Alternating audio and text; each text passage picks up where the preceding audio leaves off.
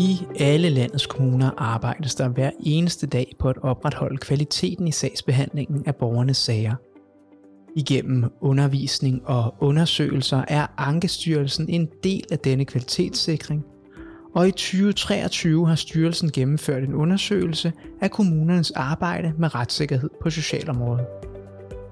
I løbet af denne og de to følgende podcasts vil jeg dele nogle af hovedresultaterne for undersøgelsen med dig, i forhåbning om, at resultaterne vil give dig større indsigt i arbejdet med retssikkerhed på socialområdet i kommunerne. Du lytter til Ankestyrelsen undersøger.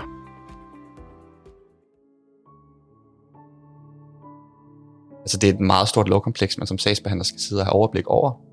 Og når du sidder i en afdeling, som primært beskæftiger sig med det her, jamen hvordan ved du så, at der er alle de her andre muligheder i nogle af de andre forvaltningssøjler? Stemmen, du lige hørte, tilhører Axel Bastegård, der er analysemedarbejder i Ankestyrelsen.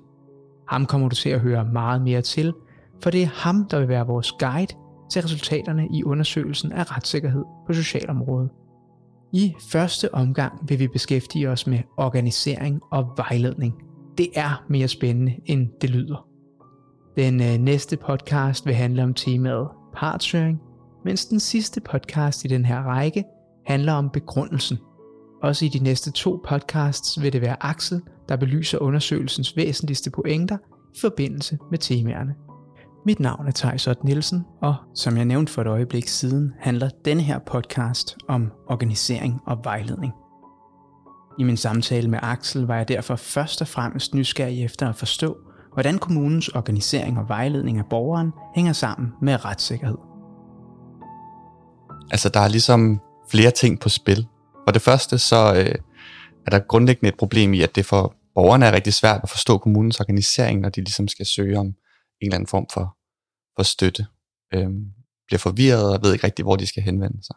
Kommunens inddeling forvaltningssøjler gør det rigtig, rigtig svært. Og socialområdet er jo et rigtig stort lovkompleks. Så klart nok, at man bliver nødt til at organisere sig ud af, ud af det her, men det, det, det gør det i hvert fald bare rigtig, rigtig svært for både borgere og for sagsbehandlere at finde rundt i, i den kommunale organisering. Der er faktisk en borgerrådgiver, som siger det er meget fint. Øh, flere borgere ved ikke rigtig, hvor de skal gå hen, og de føler sig ikke ret godt hjulpet af hjemmeside eller noget andet. Så det er svært at finde ud af, hvor man det hele taget skal starte, og hvor indgangen til kommunen er. Som Axel forklarer, ender kommunens organisering og vejledning af borgeren med at blive problematisk, når både borgeren og sagsbehandleren har svært ved at orientere sig i kommunens interne organisering. Dermed bliver det vanskeligt for borgeren at få den rette assistance, og det bliver svært for sagsbehandleren at give den rette vejledning. Konkret kunne man sige, hvis du for eksempel skulle søge om tabt arbejdsfortjeneste, fordi at du, dit barn øh, har en autismediagnose. Altså er det så børne- og unge afdelingen, eller er det handicapafdelingen? Hvor er, hvor er indgang, og hvordan gør man det? Er det via en mail? Skal jeg ringe? Skal jeg gå derned? Skal jeg sende et brev? Det, det kan være rigtig, rigtig svært for, for borgeren at orientere sig i det her system, og finde ud af, jamen, hvor er det så, jeg skal gå hen. Det er ikke kun borgeren, som har svært ved det, det er faktisk også sagsbehandlerne, som har rigtig, rigtig svært ved det her. Som en del af undersøgelsen har vi lavet en, en spørgeskema, del, hvor vi har spurgt landets myndighedsledere, og næsten halvdelen svarer også, at de oplever udfordringer med den helhedsorienterede vejledning af borgeren. Så det er, altså, det er en problematik, der er ude i kommunerne. Det siger sig selv, at det er frustrerende for borgeren ikke at vide, hvor hun, han skal henvende sig. Men nu er det her en undersøgelse af retssikkerhed. Jeg spørger Axel, hvordan man kan se problemstillingen som en udfordring for borgerens retssikkerhed.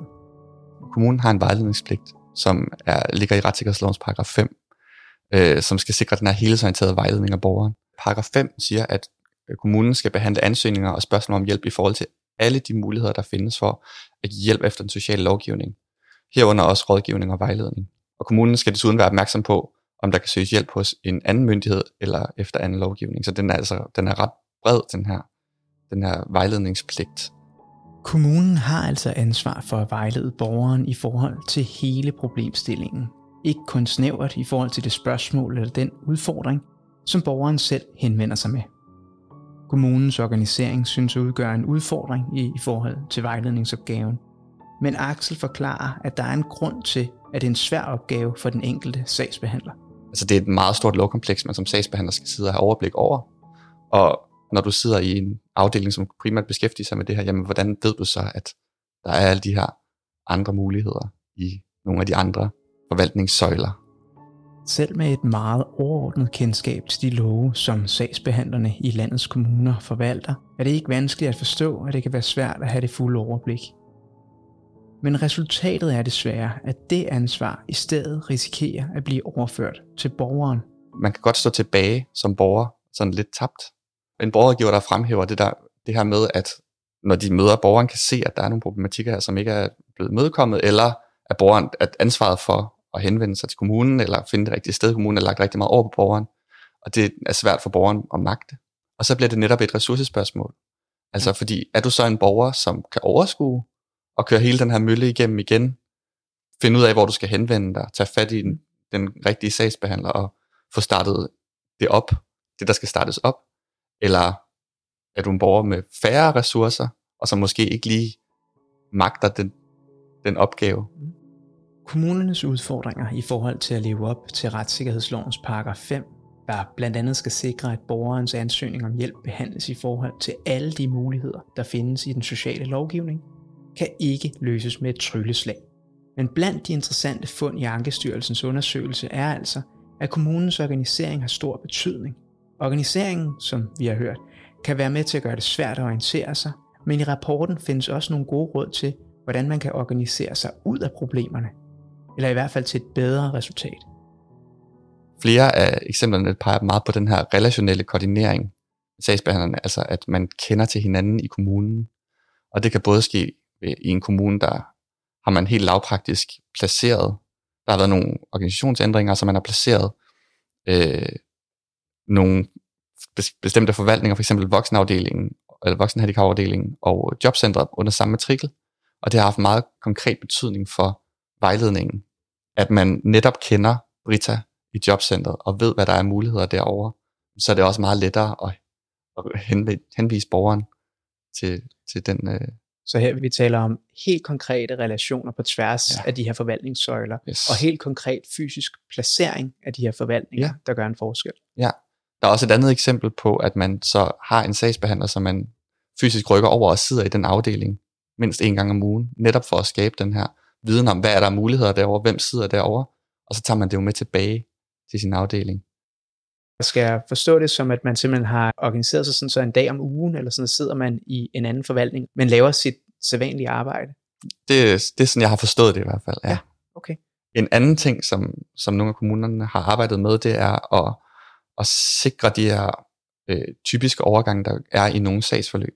For eksempel så ser vi i, i en øh, handicapafdeling, hvor man snakker om tabt arbejdsfortjeneste, jamen der er typisk, hvis man har været på fuldtid tabt arbejdsfortjeneste i en meget lang periode, jamen, så er man ret langt fra arbejdsmarkedet.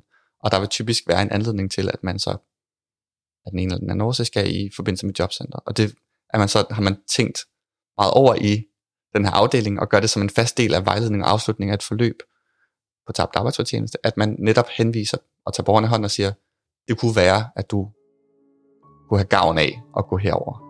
Fokus på organisering kan hjælpe den enkelte sagsbehandlers overblik over og kendskab til andre forvaltninger og de dele af lovgivningen, som forvaltes her. Organiseringen skal både forstås som den helt konkrete fysiske placering af sagsbehandlere inden for forskellige områder, men altså også som tilrettelæggelsen af sagsforløb med snitflader til andre forvaltninger – Udover disse anbefalinger, så fremhæver Axel også borgerrådgiverens rolle. Han understreger dog, at borgerrådgiveren selvfølgelig ikke kan være kommunens garant for, at retssikkerhedslovens paragraf 5 overholdes, men for borgeren kan borgerrådgiveren altså være en god støtte i forbindelse med sagsbehandling i kommunen. De hjælper i hvert fald nogle borgere, men man kan sige, det, det, det skal ikke lægges ud til, at det skal være borgerrådgiverens opgave at sikre kommunens vejningsforpligtelse. Det vil altid være kommunens opgave. Så ligegyldigt om man har en borger, oprettet en borgergiverfunktion eller ej, så skal man jo leve op til de her retssikkerhedsmæssige krav, der er til, til helhedsorienteret sagsbehandling. Og hermed nærmer vi os afslutningen på denne første korte podcast, der har til hensigt at dele relevante fund fra Ankestyrelsens undersøgelse af kommunernes arbejde med retssikkerhed på socialområdet. Vi har hørt Axel fortælle om, hvordan kommunens organisering og vejledning har betydning for retssikkerheden for borgeren – Undersøgelsen anerkender, at lovgivningen er kompleks, og opgaven derfor er vanskelig at løse for kommunerne. Men undersøgelsen peger også på, at fokus på netop organisering kan være en del af løsningen. Undersøgelsen fremhæver borgerrådgiverne som en hjælp, når den enkelte borger skal finde en vej igennem systemet. Men det understreges, at det ikke er en løsning. Det er kommunens opgave at sikre, at borgeren får hjælp fra de rigtige forvaltninger og de rette paragrafer. Hvis du er interesseret i at læse rapporten, kan du finde den på Ankestyrelsens hjemmeside eller via linket i beskrivelsen af denne podcast.